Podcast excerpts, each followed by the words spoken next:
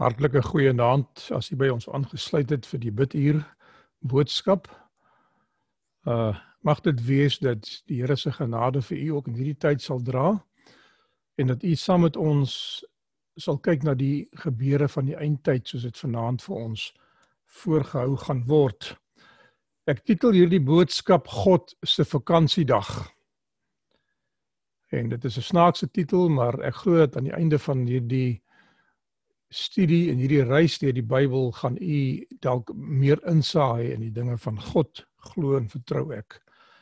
Kom ons bid saam. Lierbare koning Jesus, my gebed is dat terwyl ons onsself voor U voortmoedig en dink aan daardie tyd wat U gaan afneem binnekort, is my gebed liewe Here dat ons daarvoor sal gereed wees wanneer die hemel ook in 'n lockdown ingaan en tyd nie meer op aarde vir ons van waarde sal wees nie. Seën u volk, seën elke individu, seën die wat as gesinne voor u genade troon verskyn, liewe Here, en seën elke ene Here wat 'n Bybelstudent is wat in hierdie tyd probeer verstaan wat is u wil en u boodskap vir hulle in hierdie tyd. In Jesus naam vra ons dit. Amen. Ek lees vir u graag Psalm 121 'n bedevaartslied van die Bybel wat u baie goed mee bekend is. En ehm um, een van daardie liedere wat die Israel gesing het terwyl hulle op reis was na Jerusalem vir die Paasfeesvieringe gewees. En dit is 'n beskermings psalm. 'n Bedevaartslied op pad, sê die opskrif. Ek slaan my oë op na die berge, waar sal my hulp vandaan kom? My hulp is van die Here wat die hemel en die aarde gemaak het. Hy kan jou voet nie laat wankel nie, jou bewaarder kan nie slymer nie. Kyk, die bewaarder van Israel slymer of slaap nie. Die Here is jou bewaarder. Die Here is jou skaduwee aan jou regterhand. Die son sal jou bedags nie steek nie en die maan ook nie by nag nie. Die Here sal jou bewaar vir elke onheil, jou siel sal hy bewaar. Die Here sal jou uitgang en jou ingang bewaar van nou tot in ewigheid. En ek wens ek kon vanaand eintlik hierdie Psalm met u deurgaan en hom uh ontleed saam met u. Ek wil net 'n paar dinge vir u uit uitwys. Ek slaan my oë op na die berge. Israel se mense het afvallig van God geword en hulle het na die berge gekyk waar die Baals altare gestaan het en die pilare van Baal wat hulle aanbid het was maar hulle het nie hulle oë opgeslaan na God nie. Die Psalme sê, "Na wie moet ek my rig in hierdie tyd as dinge om my swart word?" My hulp is van die Here. Nou verklaar hy kategories dat dit van God alleen kom. Wat jou voet nie sal wankel nie, jy bewaarder wat nie slymer of slaap. Met ander woorde, God is een wat altyd daar is vir jou. Dis vanaand se boodskap. God is altyd daar vir jou.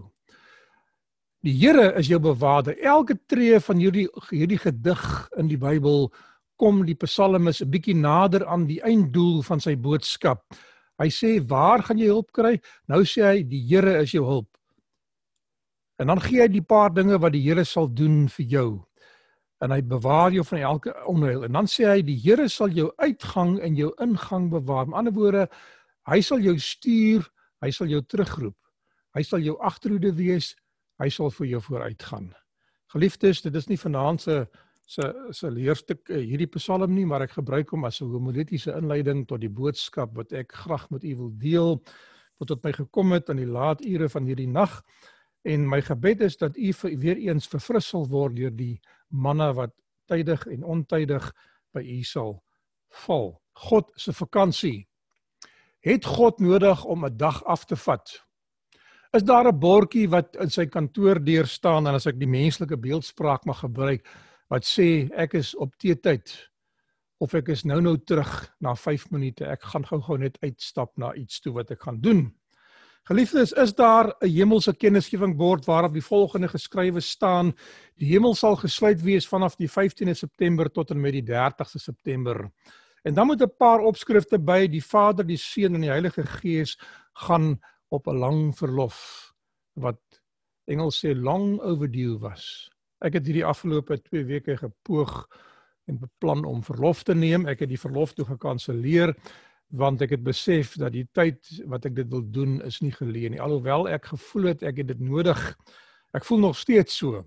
Maar daar is dringende dinge wat vir my vorentoe dryf en ek glo dat u het ook dinge wat vir u in hierdie tyd van die wêreldse geskiedenis sal vorentoe dryf en sal wegkeer van die dinge wat u na smag wat u liefde sou wou gedoen het. Dinge wat u op sy gaan sit omdat die tyd daarvoor verkeerd is soos wat die gees van die Here ek glo vir u sal aanhits. Kom ons gebruik 'n hipotese. Hipotese is wanneer ons 'n veronderstelling maak en 'n 'n 'n reeks gebeure voorstel wat nie die werklike is nie, maar wat simbolies 'n les vir ons inhou. Sê nou maar God kondig vir homself en ek praat van die drie enige God, die Vader, die Seun en die Heilige Gees dat hulle op 'n vakansie gaan gaan of nie beskikbaar sal wees vir 'n tydperk nie. Sê maar vir 15 dae word God se betrokkenheid by die mens op ys geplaas. U ken daardie terminologie. Die Heilige Gees vat af. Geen berou kan in daardie 15 dae plaasvind nie. Geen oortuiging van sonde nie. Geen uh herroeping van skrifture in jou gedagtes as jy wil iets met mense deel nie. Geen geestelike krag nie. Met ander woorde, daar is geen uitstorting van die laatrens nie. Daar is geen toebedeling van geestelike gawes nie. Daar is nie hulp nie. Jy kan nie vertroos word wanneer jy sleg voel en wanneer jy in sonde skuld is nie. Die blydskap van die hemel het van jou gewyk in hierdie tyd. Geen heiligmaking vir daardie tydperk van 15 dae in hierdie hipotese nie. Sê nou maar Jesus vat verlof, geen verlossingswerk word in hierdie tydperk aangepak nie, geen bemiddeling, geen voorspraak nie, geen gebede waar hy vir Jesus wil intree as middelaar tot die Vader nie. Geen lofprysing wat kan na hom toe gaan nie of geen danksegging nie. Geen gebedsversoeke nie waar u vra vir die daaglikse brood soos in die vorige boodskap met u gedeel was nie geen genesing wat plaasvind deur die krag van Jesus wat hy aan ons gedelegeer het deur die Heilige Gees nie. Die Vader, die verlossingsplan staan vir 'n paar dae stil. Geen aanbidding vir 15 dae tot die Vader, tot die Seun, tot die Heilige Gees nie. En die engele betrokkenheid is beperk tot die werk wat vir hulle toelaatbaar is wat op hulle vlak mag wees, wat gedelegeer is aan hulle. Die beskerming, die leiding, die weghou van Satan se aanslae, die bystand in Bybelstudie wanneer ons die Bybel bestudeer. Is daar uh, ek het baie keer as 'n plek toe is in die nag of as 'n persoon soos 'n byvoorbeeld 'n geneesheer moet met met met met met verlof gaan, is daar sekere notas wat hulle onderaan plaas. 'n Geval van nood mag daar miskien staan kontak die engel Gabriël. Hy sal tydelik in beheer wees en sekere dinge verrig, maar die dinge wat die godheid normaalweg doen, sal nie kan plaasvind nie. Uh toe ek nog gewerk het in die koöperatiewe wêreld het ons sulke plakkertjies soms gebruik om my boek te merk met memos en ek het ek het boodskapies in die vorm van papier uitgestuur na die personeel toe. Ek het later aan toe telefoondienste verbeter het, SMS'e begin stuur en e-posse om mense te herinner aan sekere dinge wat plaasvind. As ek sê ek gaan vanmiddag afvat, dan sê ek vir die gemeentelede ek is nie beskikbaar vir daardie tyd nie.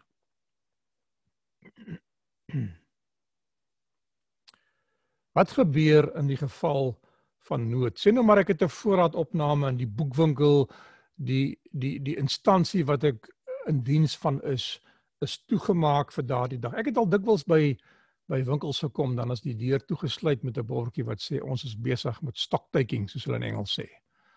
Ons is besig met voorraadopname. Uh die afgelope tyd se uh, die rede waarom ek so sukkel deesdae om my boodskappe betyds uit te kry is omdat daar voortdurend beurtkrag is. Ek moet beplan wanneer ek studeer as ek die rekenaar nodig het. Ek moet beplan wanneer ek die opnames maak as ek die tegnologie nodig het en ek het krag nodig en ek moet dit so ek so sinkroniseer dat dit nie in dieselfde tyd slot val as my vrou wanneer sy hier is wanneer sy werk want dan kan ek nie 'n opname maak nie want sy is besig met haar werk en sy gebruik die telefoon en is daglig en hier is honde wat in die vertrek ingaan kom. En die geraas in die wêreld is net eenvoudig baie meer in die dagligtyd. Daarom verkies ek die nag. Ek dink jy weet waarvan ek praat. Ons het uh, die afgelope 4 dae kort kort 'n waterkrisis in Port Elizabeth en ons moet beplan gistermiddag 2 uur toe sê my vrou ek sien die water is aan. Ek gaan gou bad. Gewoonlik bad ons in die oggend of in die aand. Maar as die water aan is, dan moet ons gaan bad en ek het vinnig die wasmasjien gegryp en 'n paar stukke wasgoed ingesit en dit gewas. En ek het die skottelgoed gewas wat toe al vir 2 dae op hoop staan omdat daar nie behoorlike water toevoer is met warm water nie. Ehm um, is daar sekere take wat gaan agterweë bly as sekere dienste nie meer beskikbaar is nie. As u 'n nota ontvang die leraar is op 'n kursus gewees elke 5 jaar uh roep die Unie konferensie al die predikante bymekaar in 'n sakevergadering waar ons opleiding doen, waar ons uh, dinge bespreek wat ons werk van belang het en waar ons ook bietjie ontspan en saam sosiaal verkeer met ander bedienaars van die woord, werkers, nie net leraars nie. Almal wat in diens van die kerk is. In die lockdown die afgelope 165 plus dae was daar beperking op die ekonomiese vaardighede en gebruike. Die maatskaplike lewens van mense het gestaak en baie dinge in my bediening het chaos geword. En ek het baie van die take oorgegee aan die aan die leierskapskorps van die kerke, die ouderlinge, die diakens, die verskillende komitees wat nog steeds moet funksioneer. Kerkrade wat moes voorgaan op virtuele platform en ek dink baie van u is bewus daarvan. Dit is moeiliker as ooit van tevore om in hierdie tyd verlof te vat. Daar is mense wat dink dat predikante in hierdie tyd verlof het en niks doen nie. Ek het gehoor op van die vergaderings waarop ek sit dat daar voorstelle gemaak was dat in aangesien die finansies van die konferensie afgeneem het en aangesien predikante nou minder doen en minder betrokke is by die werk wat hulle moet verrig met mense en met die kerk kan ons hulle salarisse verminder. Dit het ook gebeur. U is bewus daarvan dat ons salarisse reg deur die bank in die Kaap konferensie uh op hierdie stadium met 40% gesny is in ons in ons uh, reisbegrotings en en ons toelaat wat ons kry. En ander dinge is op ys geplaas soos die tesouriere dikwels vir ons sê die boek en equipment, jy weet wat ons kan eis en ander dinge. En daar is heelwat finansiële funksies wat heeltemal gestaak is wat ons nie eers moet vra nie want ons gaan dit nie kry nie. Nou dit is nie vanaand se boodskap nie. Wat ek vir u wil stel is ek wil vir u stel dat u self het ook sekere beperkings wat op u gelê is in die laaste tyd. Het u niks gedoen in hierdie tyd nie? Ek wil vir u verseker dat ek is besig en ek is baie meer besig nou as wat ek ooit van tevore in my lewe was. Ek moet veg vir tyd vir myself. Ek moet myself daarin herinner om te gaan stap of om 'n uurtjie af te neem. Daar is tye in die dag wat ek veral hierso so 2 uur, 3 uur die dag in die dagligtyd wat ek soms voel ek word geweldig vaak omdat ek baie ure in die nag spandeer en dan vat ek so 'n paar minute wat ek net bietjie gaan rus. Iets wat ek nie nodig gehad het om van tevore te doen nie. Uh ek het my verlof uitgestel soos ek vir u gesê het en dit is nie waaroor die boodskap gaan nie. Indien u wel uh geen prediking ontvang nie, geen lesstudie nie, geen bidure fisies nie en geen eredienste nie. Ek het Sabbat my eerste erediens gehad en ek gaan binnekort my eerste bidure hê. Ek wil vir u sê dit is anderster om met mense te praat oor die media teenoor om hulle van aangesig tot aangesig te aanskou. En ek wil graag voor die aangesig van die Here en die kerk van die Here aanbid saam met mense en ek het vir u gesê verskeie kere dat wat ons tans doen is nie volkomme aanbidding nie, maar dit is die beste wat ons kan doen onder omstandighede. Die kerkleiers neem nou waar en daar's meer deelnemende betrokkenheid van die gemeente in hierdie tyd as ooit vantevore. Ek begin wel nou van hierdie week af weer besoeke doen, krisisbesoeke en ek het weer my eerste vergadering gehad wat toelaatbaar was volgens die die noodregulasies. En baie van die leraars in die kerke van die wat jy wat na my luister sal begin om stappe te neem om weer hulle normale rotines in te stel, maar met beperkings nog steeds. Geen administrasie van vergaderings en dinge nie. Lidmate diens, geen huisbesoeke nie, geen Bybelstudies nie, geen beradingstydperke nie behalwe miskien oor die media nie. Uh die telefoonoproepe is ook verminder. Die e-pos, die Zoom is die dinge wat nou moet die werk inneem wat ons fisies van tevore gedoen het. Dieselfde begrafnisse, troues, doopdienste, was nie moontlik gewees in hierdie tyd nie. Ons eh, as ons met verlof gaan dan vra die konferensie ons met hulle in kennis stel sodat hulle iemand uit die predikante of uit die werkerskorps uit of uit die administrasie uit kan aansê om in noodgevalle op te tree in 'n distrik indien daar 'n begrafnis is, indien daar 'n troue is, indien daar 'n noodvergadering is of indien daar 'n krisisbesoek het wat gedoen moet word. Ehm um, ek en Leraar Visser en Leraar Lang en eh uh, Leraar Jonk het die afgelope uh 2 jaar lekker saamgewerk waar ons mekaar kon uithelp in die tye soos hierdie waar ek vir hulle ingestaan het en waar hulle vir my ingestaan het. En ek wil vir die leraars dankie sê dat hulle bereidwillig was om hulle diens in opoffering te lewer uh boonbehalwe hulle normale dienste. Daar is baie ouderlinge wat vir my ingestaan het met tye om dinge te doen wat ek nie kon waarneem nie.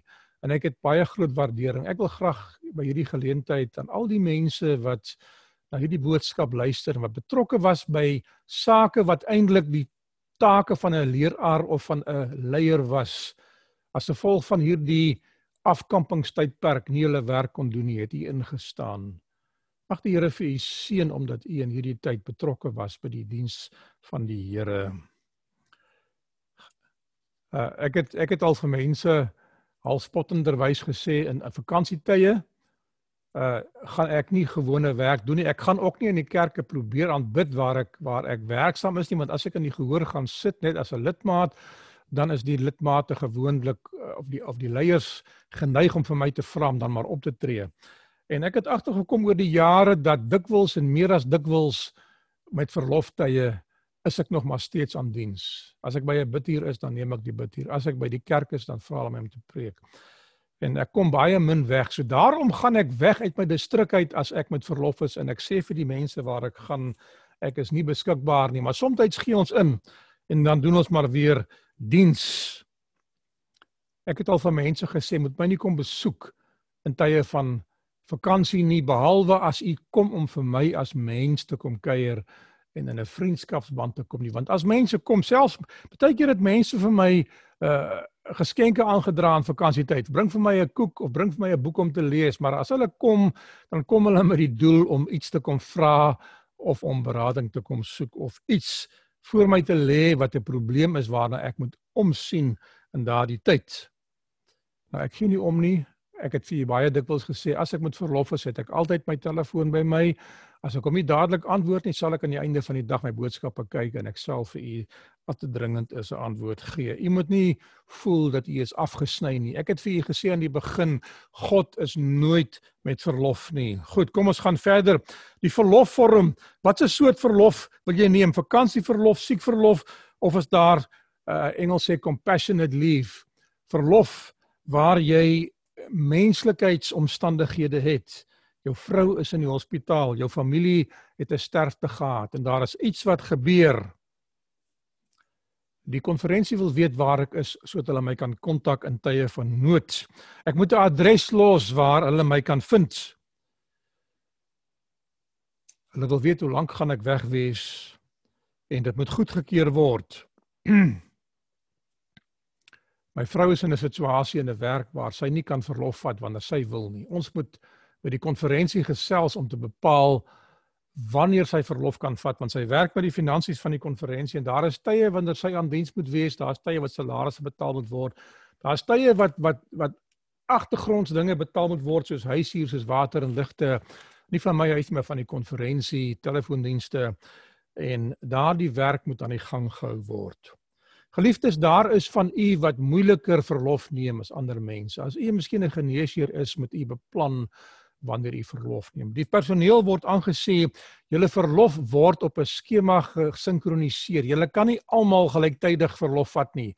Ons besluit saam met julle wanneer wie af is sodat daar altyd personeel aan diens kan wees. Nou ek weet dat u verstaan dat hierdie boodskap in 'n geestelike sin gedraai moet word een of ander stadium van hierdie boodskap. En ek wil reeds aan die gedagtes begin plaas dat daar is sekere dinge in die werk van God wat eenvoudig nie nie gestaak kan word en gesluit kan word en afgeskakel kan word nie. Alhoewel die kerk in 'n afskakelingsperiode was vir die afgelope 6 maande nou alreeds is daar sekere funksies wat nog steeds aangegaan het.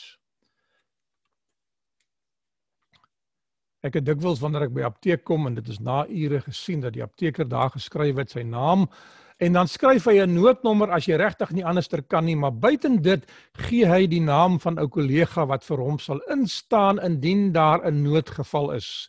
Met ander woorde, die gewone besprekingsure sal nie geld nie. Dokters het ook iemand wat vir hulle instaan. Predikante gebruik ook soms mense om vir hulle in te staan in noodsituasies. Loodgieters die elektriesien, noodsaaklike instandhoudingsdienste doen dieselfde, maar as hulle na ure inkom, het hulle 'n spesiale tarief waarteen hulle werk. God en rus. Genesis 1 vers 1. In die begin het die God die hemel en die aarde geskape en die see en alles wat daarin is. God was besig in die skepingswerk. Die hemele meervoudig en die aarde, die woord Elohim in die in die Hebreëus is 'n meervoudige term en Genesis 2 vers 2 en vers 3 sê dit uh laat ons mense maak na ons beeld. Ons praat van 'n drie-enige God. Was daar ooit 'n tyd wat God gesê het: "Luister, ek het nou gewerk en ek gaan 'n bietjie afvat." Die Bybel sê vir ons in 6 dae het God hierdie wêreld geskape, 'n vreeslike groot werk. En toe het hy op die sewende dag gerus. Johannes 1:3 sê Jesus was die uitvoerende direkteur in my taal. Hy was die aktiewe een wat gespreek het alhoewel die drie eenheid betrokke was by die skepingsdaad van hierdie wêreld. Hebreërs hoofstuk 1:2 sê dat Jesus self ook betrokke was. Hoekom vat God tyd af om te rus? Is God een wat moeg word? God kon hierdie aarde in 'n oomblik geskape het. En uh hoekom vat hy tyd om dit in 6 dae te doen? Iemand hier daaroor dink. Uh heiligmaking is 'n proses wat bestaan uit 'n reeks gebeurtenisse wat ons moet beleef. En God kon vir ons in 'n oomblik heilig gemaak het, maar hy kies dat ons deur 'n lewenservaring, deur 'n praktiese uh belewenis van die dinge wat om ons gebeur, menslike en goddelike lesse leer wat in stapsgewys op mekaar volg en op mekaar bou sodat ons elke keer na 'n hoër vlak beweeg, na 'n hoër vlak soos wat ons in die skool ook maar op opgang maak. Soos wat ons in 'n werk opgang maak. Soos wat ons as mense liggaamlik opgroei waar ons gebore word as 'n embrio waar ons 'n klein mensie is in die ma se maag waar ons gebore word as 'n babietjie, opgroei as 'n jong mens, as 'n middeljarige persoon en dan totale volwassenheid bereik het met al die stadiums en die fasette. Ek ek dink aan 'n stelling in die boekie opvoeding wat sê dat ons is in elke stadium van ons opgroei volmaak voor die Here.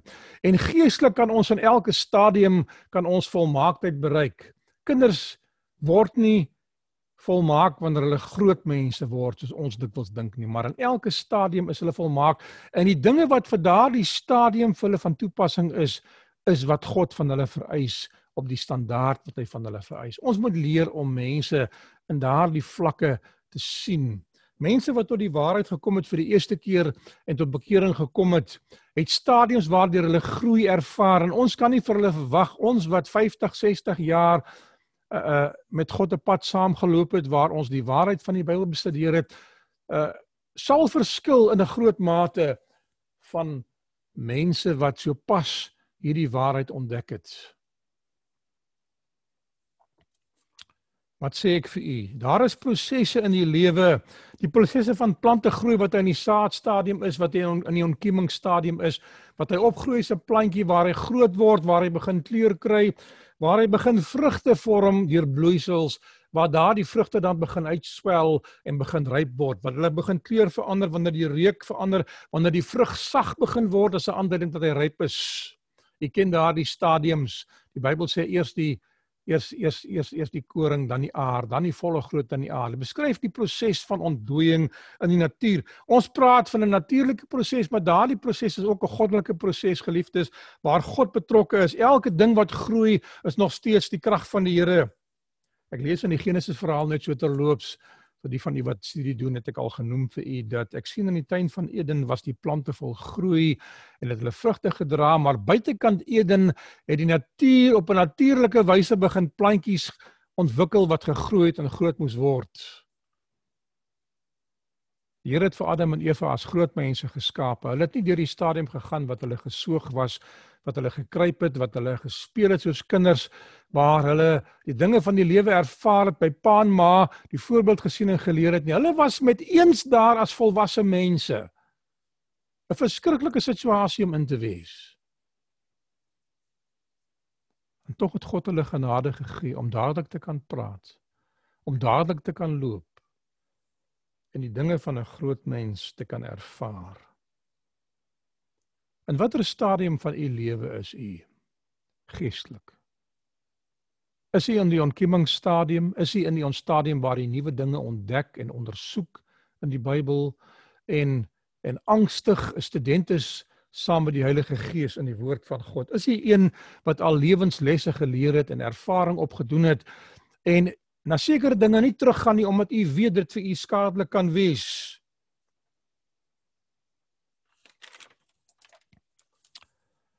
In jou verhoudingslewe bou jy 'n vriendskap op. Jy jy jy jy begin mense leer ken. Ons het met u saam in die les hierdie tyd bespreek dat uh, 'n les wat herhaal was keer op keer dat u nie evangelisasie werk met mense moet aanpak tensy u met hulle bevriend geword het nie. 'n Bybelse beginsel wat vir ons deur ons lewens deurgaan waar die hofmaak stadium van 'n paartjie kom, die verlovingsstadium waar hulle trou en dan dit permanent maak. Geliefdes, in die geestelike lewe is daar 'n tydperk wat die Here jou roep, wat hy jou uitnooi om betrokke te raak by die dinge van God, wat hy vir jou dan 'n disipel maak waar jy 'n leerling in die skool van Christus is, waar hy jou apostel maak, waar hy jou uitstuur en waar jy in jou latere lewe betrokke raak by die werk van God deur 'n getuie te wees getuie met jou woorde, getuie met jou dade in 'n demonstrasie, maar ook 'n getuie soos die woord in die Griek sê martyreo wat beteken 'n martelaar wat jy dalk ly vir die saak van die Here, wat jy moet opoffer vir die saak van die Here, wat jy deel in die lyding van die Here as jy wil deel in die vreugde van die Here ook. In die rentmeesterskapsteken het hulle 'n interessante ronde kringetjie wat 'n kroon voorstel, 'n doringkroon wat halfpad is met 'n koningskroon wat die res van die kring voltooi. En die opskrif van die rentmeesterskapswapentjie sê eenvoudig dat voordat jy in die heerlikheid van die Here kan ingaan en in die heerlikheid van God kan deel, moet jy in die lyding van Jesus deel en jy moet diensbaar wees. Ek het in 'n vorige boodskap vir u gesê en vir u gelees dat die gawe van profesie voorstel dat ons nie geroep word tot gesag nie, maar tot diensbaarheid. Geliefdes, u is betrokke om diensbaar te wees. Daar kom 'n tyd in die mense lewe wat ons moet rus. Die Here gee vir ons 12 ure om te werk en 12 ure om af te skakel. Daarom skakel die Here die ligte af in die heelal sodat dit donker kan wees. Hy laat die diere lewe gaan slaap behalwe hulle wat deur die sondige menslike natuur begin het om te jag in die nag. Ek wil vir u sê baie dinge in die natuur het verander na sondeval, maar ek dink dit was so gewees in tyd van Eden. In die nag was die tyd om te slaap vir die diere lewe en die mense lewe sodat daar rustigheid en vrede kan wees en die mensdom weer kan krag hergenereer om weer sterk te wees vir die volgende dag. Dieselfde funksie vind plaas wanneer ons kos eet. Ons word versterk deur voedsel, deur die nodige boustowwe van die liggaam weer aan te vul. En as ons dit nie gesond doen nie, gaan ons 'n uh, uh, uh, uh, geleidelike afbreeking van ons gestel tot die punt waar dit heeltemal totaal afbreek. Die dood is 'n plek waar die mens se lewe totaal afskakel, waar sy liggaamsfunksies nie meer funksioneel kan lewe gee aan hulle nie. En daardie dinge glo ek word deur God beheer. Ons het etenstye. Daar is tye wanneer ons eet, wanneer ons liggaam vir ons sê, luister, jy het nodig om weer ietsie aan te vul. Daar is tye wat ek deur die hele dag gaan, wat ek besig raak met my werk en ek raak betrokke en ek kom nie agter dat ek honger is nie. En veral in evangelisasie tydperk is 'n tyd wat ek baie minder eet. Ek verloor baie gewig, maar ek spandeer baie tyd aan dinge In die Bybel is daar 'n verhaal wat Jesus vir die apostels gesê het toe hulle vir hom voedsel wil aanbied, sê hy vir hulle ek het voedsel om te eet waarvan julle nie weet nie. Die geestelike dinge wat Jesus gedoen het, het hom krag gegee om die die die menslike dinge verby te gaan en die behoeftes van die menslike liggaam. Geliefdes, ek praat van die rus van die mens, ek praat van die van die herstel van die mens deur voedsel, ek praat van slaap. Daar is mense wat uh in die nag rus omdat hulle hard gewerk het, maar daar is van ons ouer mense wat wat uh, die nagte omwens wat nie meer kan slaap nie as gevolg van baie omstandighede. Die eerste les: God vat sy tyd by die skepping. Hy geniet dit. Hy jaag nie soos ons van punt A na punt B. Ek is verskriklik uh, geïrriteerd in myself deesdae as ek agterkom hoe vinnig tyd verbygaan. Ek bevind my gedurig deur voor die plek waar ek gereed moet maak om die bid hier aan te bied, waar ek gereed moet maak en my planne in plek moet kry om die lesstudie op die internet te plaas waar ek my boodskap moet voorberei en en opneem om voor u te plaas waar ek nog steeds my ander administrasie moet aan die gang hou, my ander studieprogram moet vol volhoubaar hou en kontak met die gemeentes moet hou om te sien dat dinge deur die bestuur van die kerk reg verloop.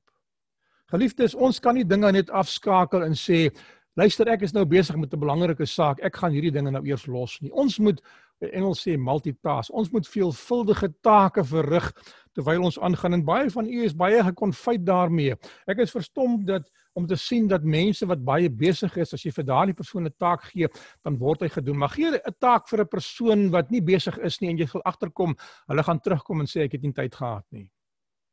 Want hulle dae is nie beplan nie. Hulle werk nie met 'n program waar hulle op dinge opvolg nie. Die Here het 'n program gehad waar hy dinge gedoen het, maar daar het 'n tyd gekom wat God gesê het, hy gaan rus in die 10 gebooie Eksodus 20 sê die Bybel want in 6 dae het die Here die hemel en die aarde geskaap die see en alles wat daarin is maar op die sewende dag het hy gerus van al sy werk wat hy gemaak het en hy het die sewende dag geseën en dit geheilig 'n spesiale dag en die Here gee vir ons die voorbeeld dat ons ook 'n Sabbatsrus moet hê volgens Hebreërs hoofstuk 4 is 'n boodskap wat ek met u gedeel het waar dit praat van die plek en die tyd wat ons die rus van God moet ingaan. Israel trek uit Egipte uit uit slawerny uit na vryheid toe. Hulle trek deur die land Ka in die, in die rigting van die land Kanaan alhoewel hulle in die in die woestyn opgeland het waar hulle sekere lesse moes leer vir 'n kort tydjie, dan sou God hulle ingeval het wanneer hulle reg was maar deur hulle sonde het hulle langer vertoef.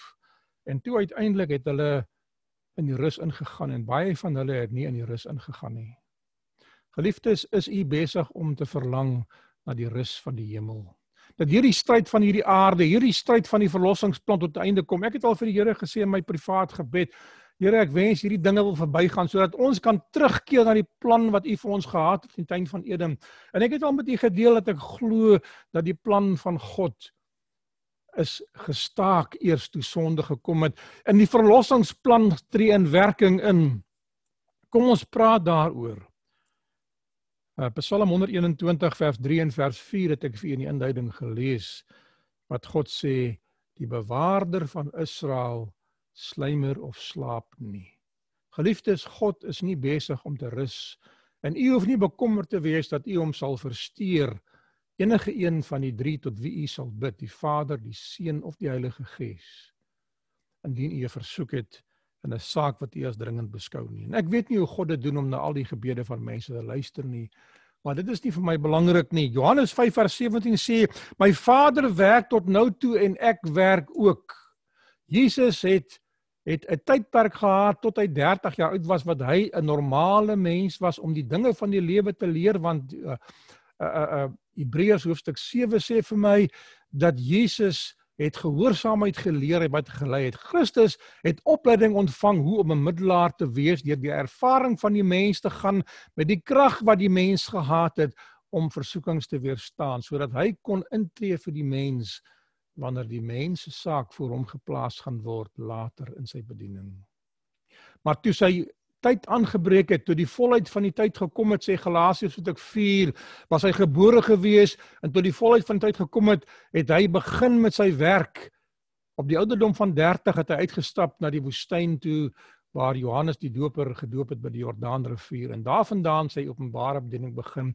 En hy het 3 en 'n half jaar gehad volgens die profesie van Daniël hoofstuk 9 waar 'n tydsprofesie vir hom gegee was wat hy sy werk moes voltooi en dan moes hy oorstap in 'n nuwe afdeling in van die hemelsheiligdom. Die profeseë van die Bybel het gesê daar kom 'n tyd wat jy jou werk in die voorportaal van die aardse tabernakel moes afsluit, die offerande wat daar plaasvind moes afsluit en jy moet instap soos die priester simbolies in die eerste afdeling van die heiligdom in om jou werk te begin. Die aardse tabernakel, die eerste, die voorportaal waar die volk en die priesters kon wees, waar die offer gebring was, waar die koper waskom gestaan het, waar die doop voorstaan voorstel liewester. En dan die eerste in die tweede afdeling waar net die priesters mag ingaan, in die tweede afdeling waar net die hoëpriester mag ingaan eenmal 'n jaar. Tipologiese uitbeelding van Jesus se lewe. Jesus is in die voorportaal van sy bediening toe hy op aarde was en veral die brandpunt daarvan van die jaar 27 tot die jaar 31 wat hy die offer moes bring vir die mensdom. Die boek die Bybel sê vir ons want ook ons paaslam is vir ons geslag naamlik Jesus Christus. Geliefdes, Jesus het simbolies die offer van hierdie wêreld gebring met sy aardse bediening. Maar daardie proses het begin lank voor sy geboorte, voor sy menslike geboorte moet ek vir u by sê. In die hemel was die verlossingsplan gewees. En God het gereed gemaak om indien die mens sou sondig, want hy het voorkennis gehad, was daar 'n plan wat gereed was om ons te kom roep. Psalm 50 vers 15 sê die Bybel, roep my aan in die dag van benoudheid. In die Psalms gaan voort en hy sê dat nog voor ek roep dan antwoord die Here aan. Terwyl ek nog vra, dan antwoord die Here. Geliefdes, is dit u ervaring? God is nooit in 'n vergadering nie. Jy hoef nie op hom te wag nie. Uh God gaan nie in die namiddag skuins lê nie.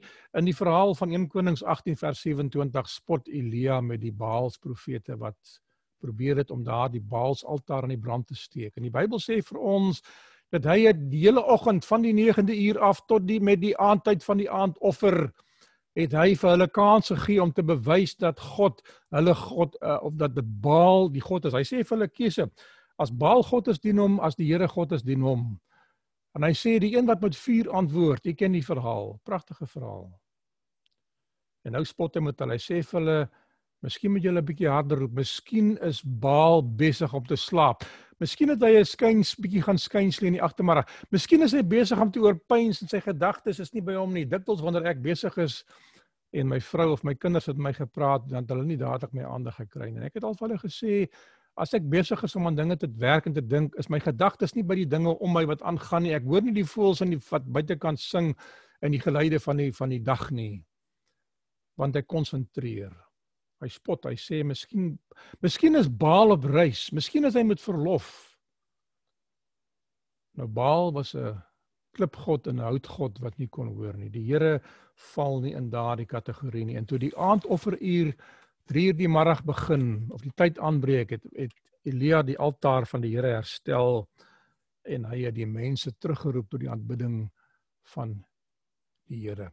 Die Elia boodskap in die Ou Testament is vir my die ekwivalent van die drie engele boodskap in die Nuwe Testament. Daar was tye gewees wat die profete en die priesters van die Here en die rigters van die Here mense opgeroep het om terug te keer tot die Skepper God. Die verlossingsplan was geformuleer voor die skepping van hierdie wêreld in verlede week se les gewees.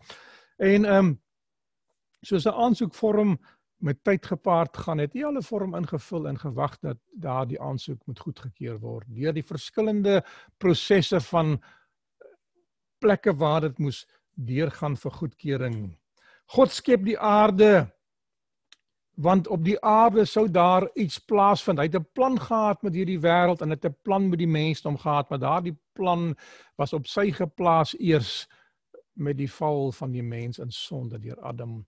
En Jesaja sê vir my dat die Here gaan 'n nuwe hemel en 'n nuwe aarde skep en dan gaan ons huise daarop bou en ons gaan dit bewoon en ons gaan voortgaan met die plan wat God vir Adam en Eva gehad het, maar in hierdie stadium sal ons verseël wees en verlossing afgehandel. God skep die mense as deel van sy plan en totdat die mense geskep was kon die verlossingsplan nie in werking gaan nie. Jesus kom na hierdie aarde toe en hy kies mense deur wie hy die werk sal voortsit. Adam sê hy sê nie hy is die God van Kain nie. Hy sê nie hy is die God van Esau nie.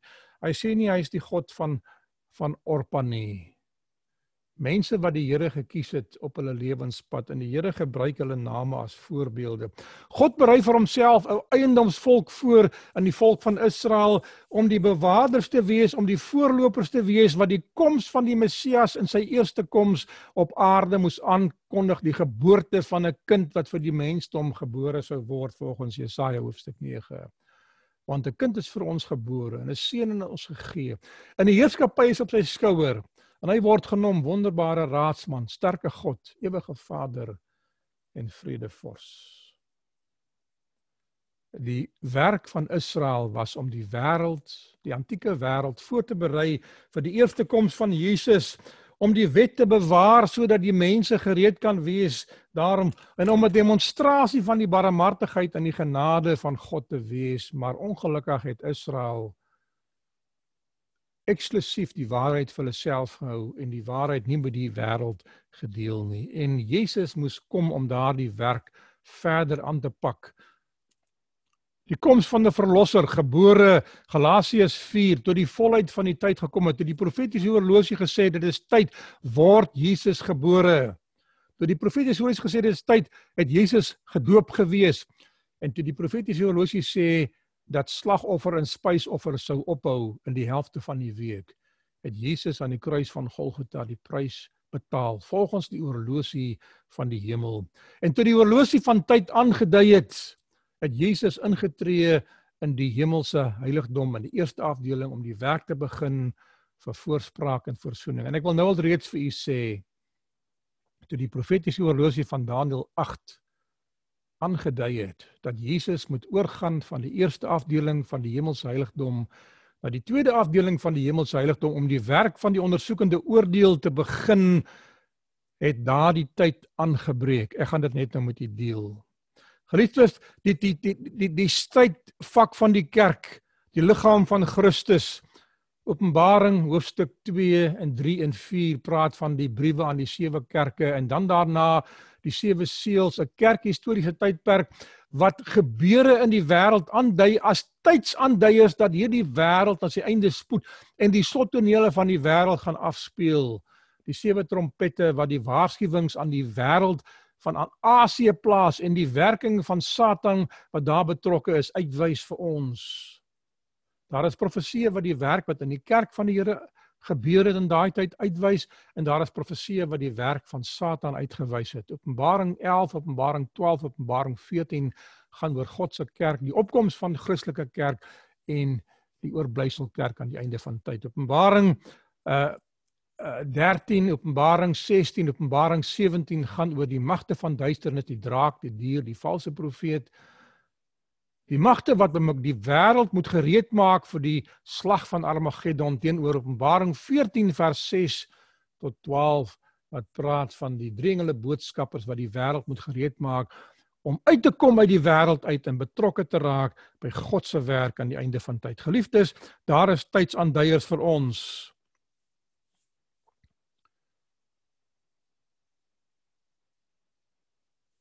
Daar gaan 'n tyd kom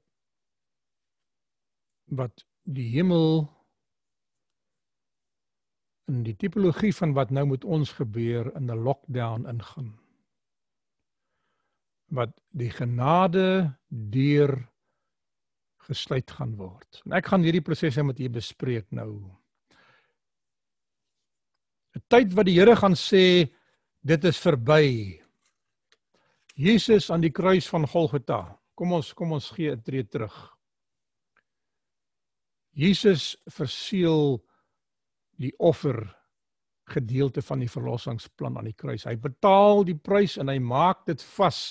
Dit is volbring, die eerste fase Matteus 27 vers 50.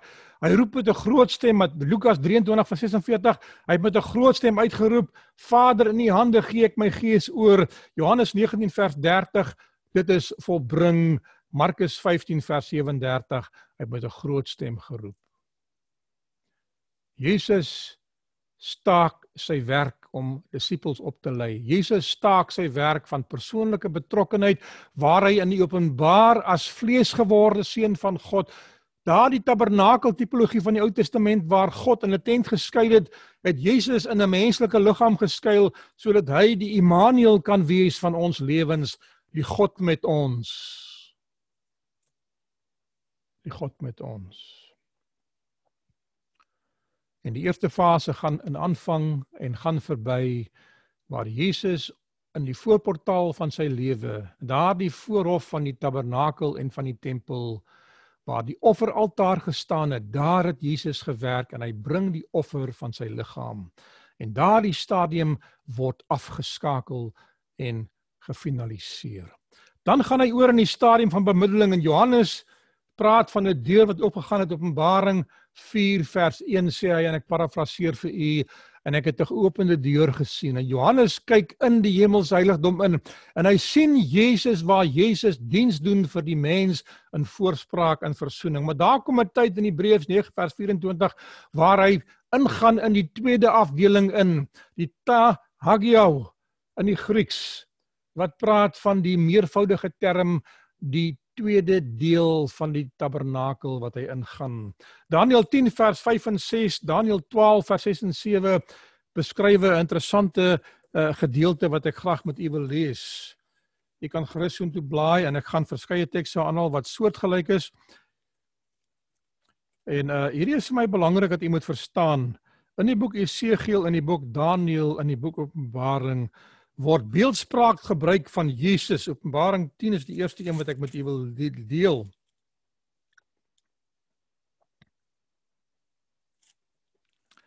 Ek het my oë opgeslaan vers 5 en daar sien ek 'n man met linne bekleed. Dit is dieselfde as Openbaring 1 vers 13 wat ek nou vir u gaan lees. En sy heupe was omgord met goud van Ufas En sy liggaam was soos krisoliet en sy aangesig soos die geflikker van bliksem en sy oë soos fakkels van vuur. En sy arms en sy voete soos blink geskuurde koper en die geluid van sy woorde soos die gedruis van menigte. Ander plekke sê die boeke Jeremia en Jesaja soos gedruis van baie waters. Openbaring gebruik dieselfde beeldspraak. Hy sien 'n man en ek gaan later terugkom na hierdie man toe. 'n Man met linne beklee 'n goue gordel om sy heupe, oë soos vuur vlamme, voete wat blink soos koper. Daniël 12 gebruik dieselfde beeldspraak. En een het aan die man met linne bekleed wat bo op die water van die rivier was gesê: "Hoe lank sal die einde en die wonderbaarlike dinge uitbly?" En aan sy regterhand het hy en aan sy linkerhand het hy na die hemel opgehef en gesweer by die ewige lewende tyd tye en 'n halfte tyd. Hierdie is die eerste afskakeling of lockdown van die hemel wat die Here begin om 'n inperkingstydperk in te stel in die hemelse tipologie vir u en vir my. Maar ek wil net teruggaan na na na uh, uh, uh, Openbaring 1 vers 13 toe. En ek wil net vir u die parallel wys. Johannes in 'n gesig sien dieselfde persoon wat aan Daniël verskyn het. Vers 13 sê en tussen die sewe kandelaars een soos die seun van die mens bykomende informasie met 'n kleed wat op tot op die voete hang en omgord om die bors met 'n goue gordel en sy hoof en hare was wit soos wol soos sneeu en sy oë soos 'n vuurvlam en sy voete blink soos koper wat gloei in 'n oond. En hierdie hierdie beeldspraak word op ander plekke in die Bybel ook herhaal. Dit is Christus wat aan Daniël verskyn in 'n profesie van 'n engel wat bo kan die see staan. Bo kan die waters. In die profesie van Daniël was die beeldspraak van die Bybel water is volke, menigtes, nasies en tale. Die diere wat uiteenlopend in Daniël 7 en later aan voorkom, kom uit die see uit, uit volke, menigtes, nasies en tale. En dit stel voor die ou wêrelddele van die ou Heilige Romeinse Ryk of Wes-Europa soos ons dit in die beeldspraak van Daniël 2 in die voete wat 10 tone gehad het gesien het. Ek ek ek deel met u dinge uit die profesie uit wat nou by hierdie gedeelte aansluit. Met ander woorde, hierdie man wat staan oor die see staan in 'n tydperk wat in Daniël 2 aangedui is. En hy hou in sy hand 'n boekie en daardie boekie is verseël in op in Daniël 12. Want die engel in hierdie geval die engel van die Here sê vir Daniël verseël die woorde van hierdie boek want dit sien op die tyd van die einde. Moenie die inhoud van hierdie boek lees nie want daar gaan 'n tyd kom wat ek hierdie boek gaan oopsluit. Met ander woorde daar was 'n tyd wat die Here die boek Daniël gesluit het en deur al die geskiedenis vanaf die Romeinse tydperk tot waar ons in die einde van hierdie profesie kom die 2300 jaar profesie word die boek Daniël nie oopgesluit nie. Openbaring 10 vers 5 en 6 Openbaring 12 ag eh, Daniël 10 vers 5 en 6 Daniël 12 vers 6 en vers 7 beskryf hierdie man weer en hy sê dat hy word gegee 'n tyd tye in 'n halwe van 'n tyd. Daardie profesie van Daniël 8 praat veral vir ons van uh uh uh die 1260 dae van vervolging maar die groter tydperk eerder van 2300 jaar tyd tye en 'n halwe tyd uh uh uh 42 maande is dieselfde as die 1000 as as die as daardie as daardie langer tyd. Dis als deel van 'n langer profesie wat in verskillende profesie uitkom. Vanaf die jaar 457 voor Christus. Vanaf die uitgang om Jerusalem te herbou. Die drie dekete van Kores, Darius, Artasasta. Drie datums het ek vir julle gegee van tevore in 'n studie.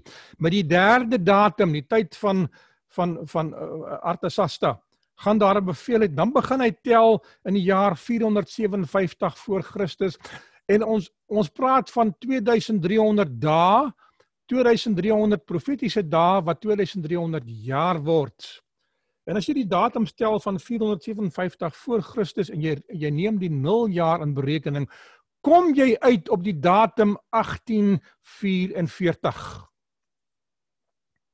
Nou tussenin is daar baie ander dinge. Die die afsluiting van die Joodse volk in die 490 jaar profesie. In die jaar 34 sê die Joodse volk hou op. So die Joodse volk hou op om te bestaan as 'n uitverkore volk in die in die en die en die missie gaan oor na die Christelike kerk toe. Met ander woorde, Israel stop as 'n nasie. Dit is die eerste inperking. Die tweede inperking is daardie vervolgingstye wat in wat plaasvind wat die hemel sê in hierdie tye gaan daar dinge gebeur. 1260 jaar van die jaar 538 tot die jaar 1798 gaan die kerk van die Here in 'n tyd van benoudheid in soos nog nooit ag van tevore in die geskiedenis was nie in daardie tyd. En daardie boekie bly verseël tot op die datum in 1844 wanneer die boek Daniël wat in die Engelse hand is oopgemaak gaan word. In die boek Openbaring is 'n parallelle beeldspraak wat praat van die engel wat nou uh op die land en op die see staan. Die boek wat Daniël sien is geslote. Die groot godsdienstige opwekking in die 1800s, 1843 en 1844 stel voor die mense onder die beweging van die Millerite van William Miller wat die boek Daniël gevind het want die profesie sê in die boek Openbaring dat die boek nou oopgemaak sal word. En hulle bestudeer die boek Daniël en as gevolg van daardie gedeelte kom hulle agter dat die Here dalk gaan kom. Dis wat hulle aflei.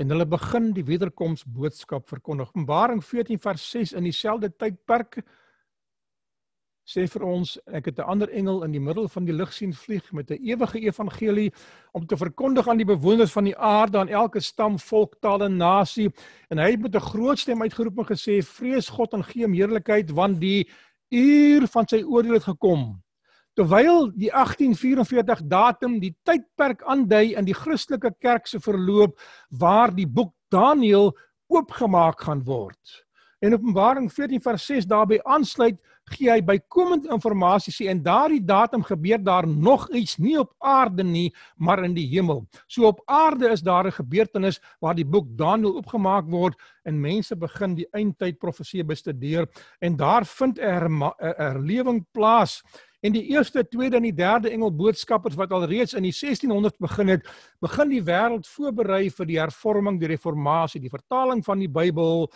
en die godsdienstige vryheid wat wegstap van die mag van die anti-kris in daardie tyd. Die Christelike kerk wat begin oplewe. Die oorblyfsel kerk. Maar die Bybel sê in daardie tyd het die oordeelsuur aangebreek. Uh die Openbaring parallel Openbaring hoofstuk 10 wil ek nou hê u moet u Bybels oopmaak.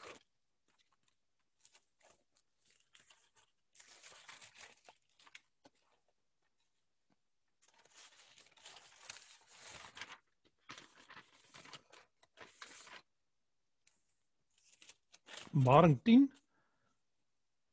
En ek het 'n ander sterk engel uit die hemel sien neerdal vers 1 bekleed met 'n wolk en 'n reënboog was oor sy hoof en sy aangesig was soos die son en sy voete soos pilare van vuur en in sy hand het hy 'n geopende boekie gehad en sy regtervoet op die see gesit en sy linkervoet op die land. Ek wens ek kan met u die profesie van Openbaring 10, Openbaring 11 en Openbaring 12 bestudeer, die twee getuies. Die olyfboom want dit sluit hierby aan. 'n Engel wat op die land en op die see sien staan en het sy hand opgehef en gesweer by hom wat ewig lewe, wat die hemel geskape het en wat daarin is en die aarde vers 6 wat daarin is en die see wat daarin is dat daar geen tyd meer sal wees nie. 'n Tydperk, tydsaanduiers. In die Daniël profesie het die engel gestaan bo kan die see, die tydperk van Europa en Wes-Europa en die nasies Babylon, Medo-Persië, Griekeland, Rome en dan verdeelde Heilige Romeinse ryk wat die 10 nasies was In daai tydperk het daar dinge gebeur. Toe is die boek Daniël verseël. Maar in hierdie tydperk wanneer die engel met sy een voet oor die aarde gaan staan op die land in Openbaring 13 en ek gaan die profesie met u nie deurgaan nie, sê dit dat daar is 'n tweede dier wat uit die aarde uit opgekom het terwyl die eerste dier uit die see uitkom. Met ander woorde, die Romeinse pausdom. En dan kom daar 'n tweede dier uit die aarde uit op Amerika in Bybelprofesie nuwe ontdekte wêrelddele van Openbaring 12, die vrou wat vlug na die woestyn toe. En Arensverke is vir haar gegee nuwe wêrelddele ontdek en mense in die kerkhistoriese tydperk vlug na Amerika en na Suid-Afrika toe. Die Franse Huguenote kom hier na toe en ander mense vlug uit Europa uit om godsdienstvryheid te verkry in Amerika. Maar die Bybel sê daardie lamagtige dier het horings en hy praat soos 'n lam maar later aan begin hy praat soos 'n draak. Maar hy's eintlik 'n draak. 'n Tydperk waarin die profesie van hierdie geopende boekie verder gevoer sal word. Maar hierdie engel wat Christus is, gaan ernstiger in hierdie tyd uitroep dat daar nie meer tyd gaan wees nie. Hy kondig 'n verdere gebeurtenis in tyd aan. Nou hierdie profesie word as volg vertolk.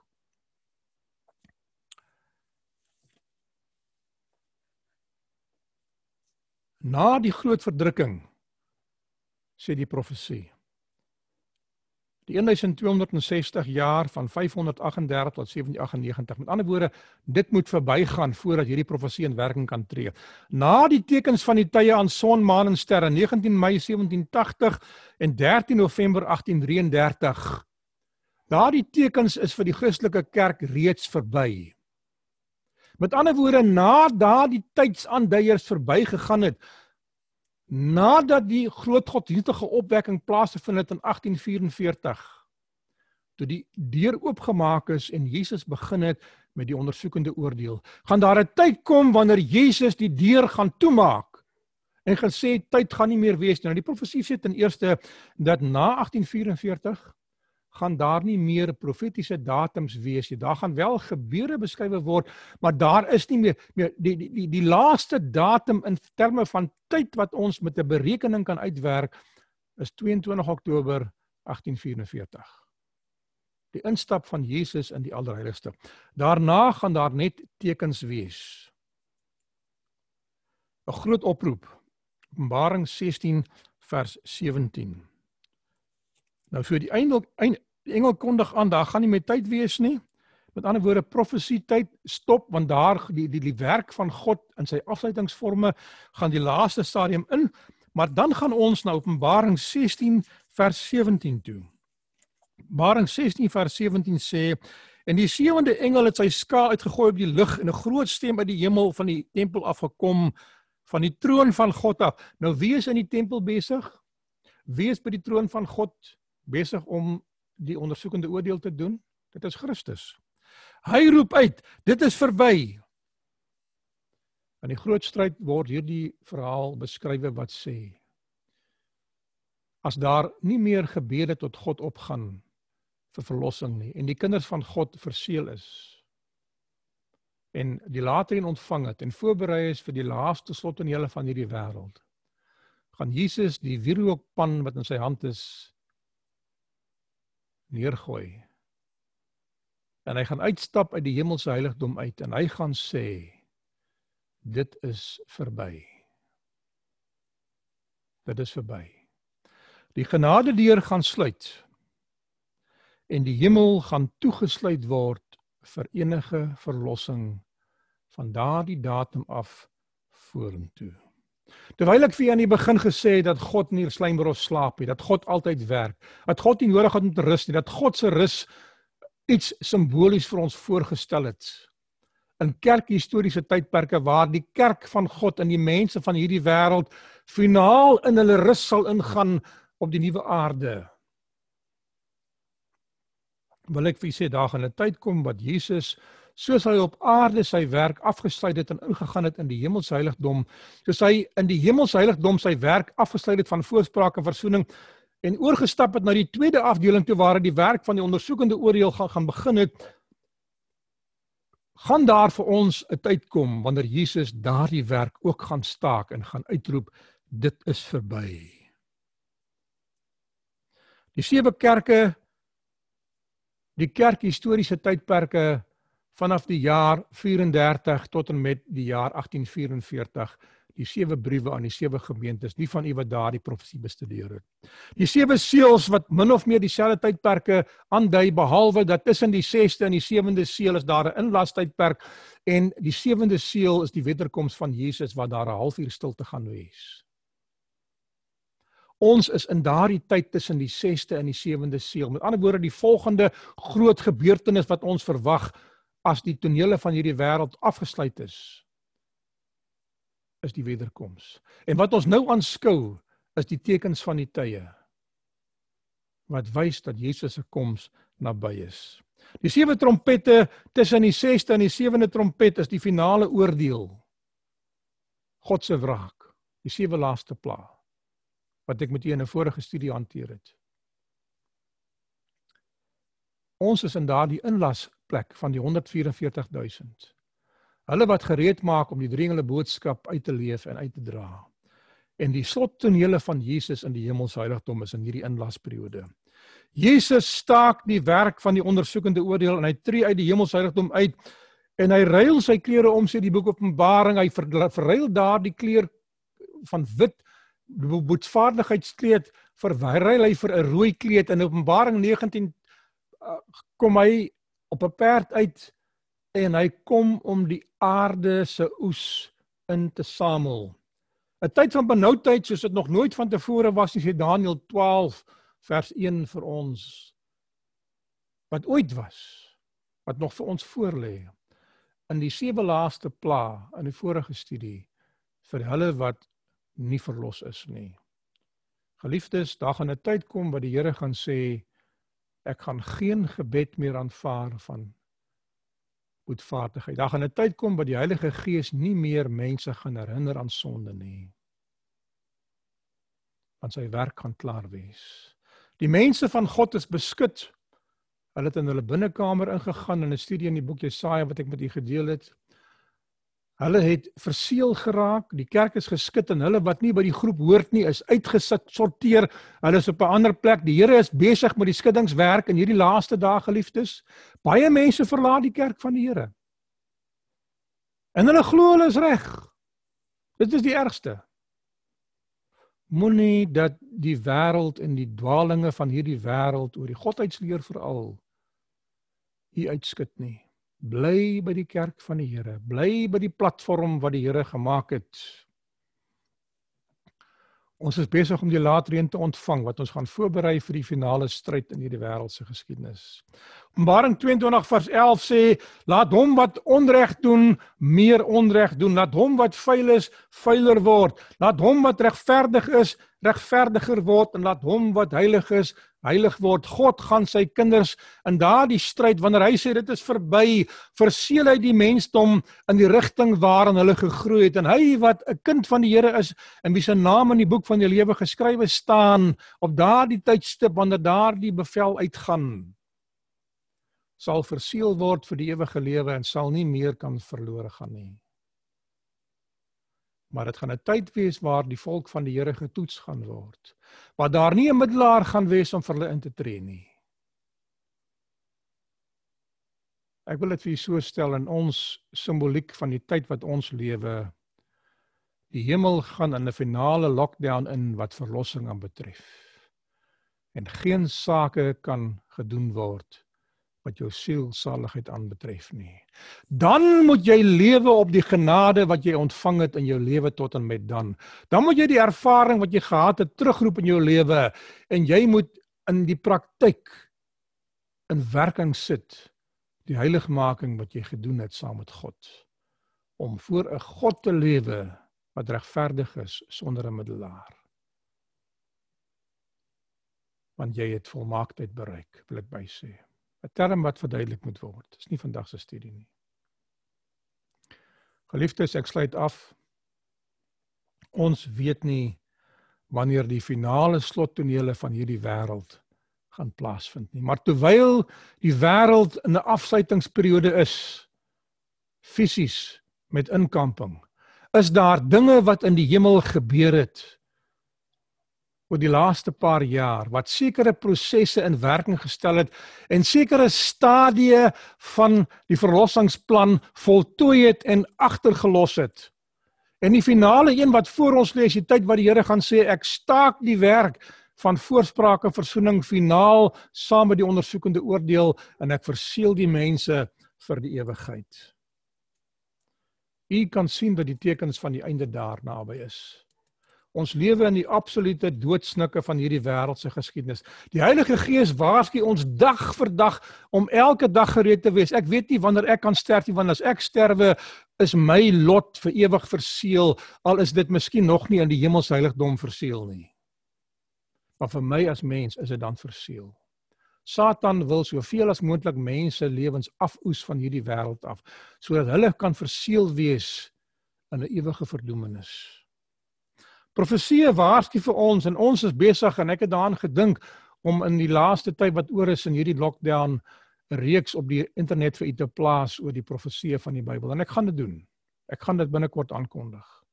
Wat ek 'n reeks met u gaan deurgaan stelselmatig een of twee of drie lesings aand waar ek deur die profesie van Openbaring en Daniël met u sal gaan as u daarna wil kyk.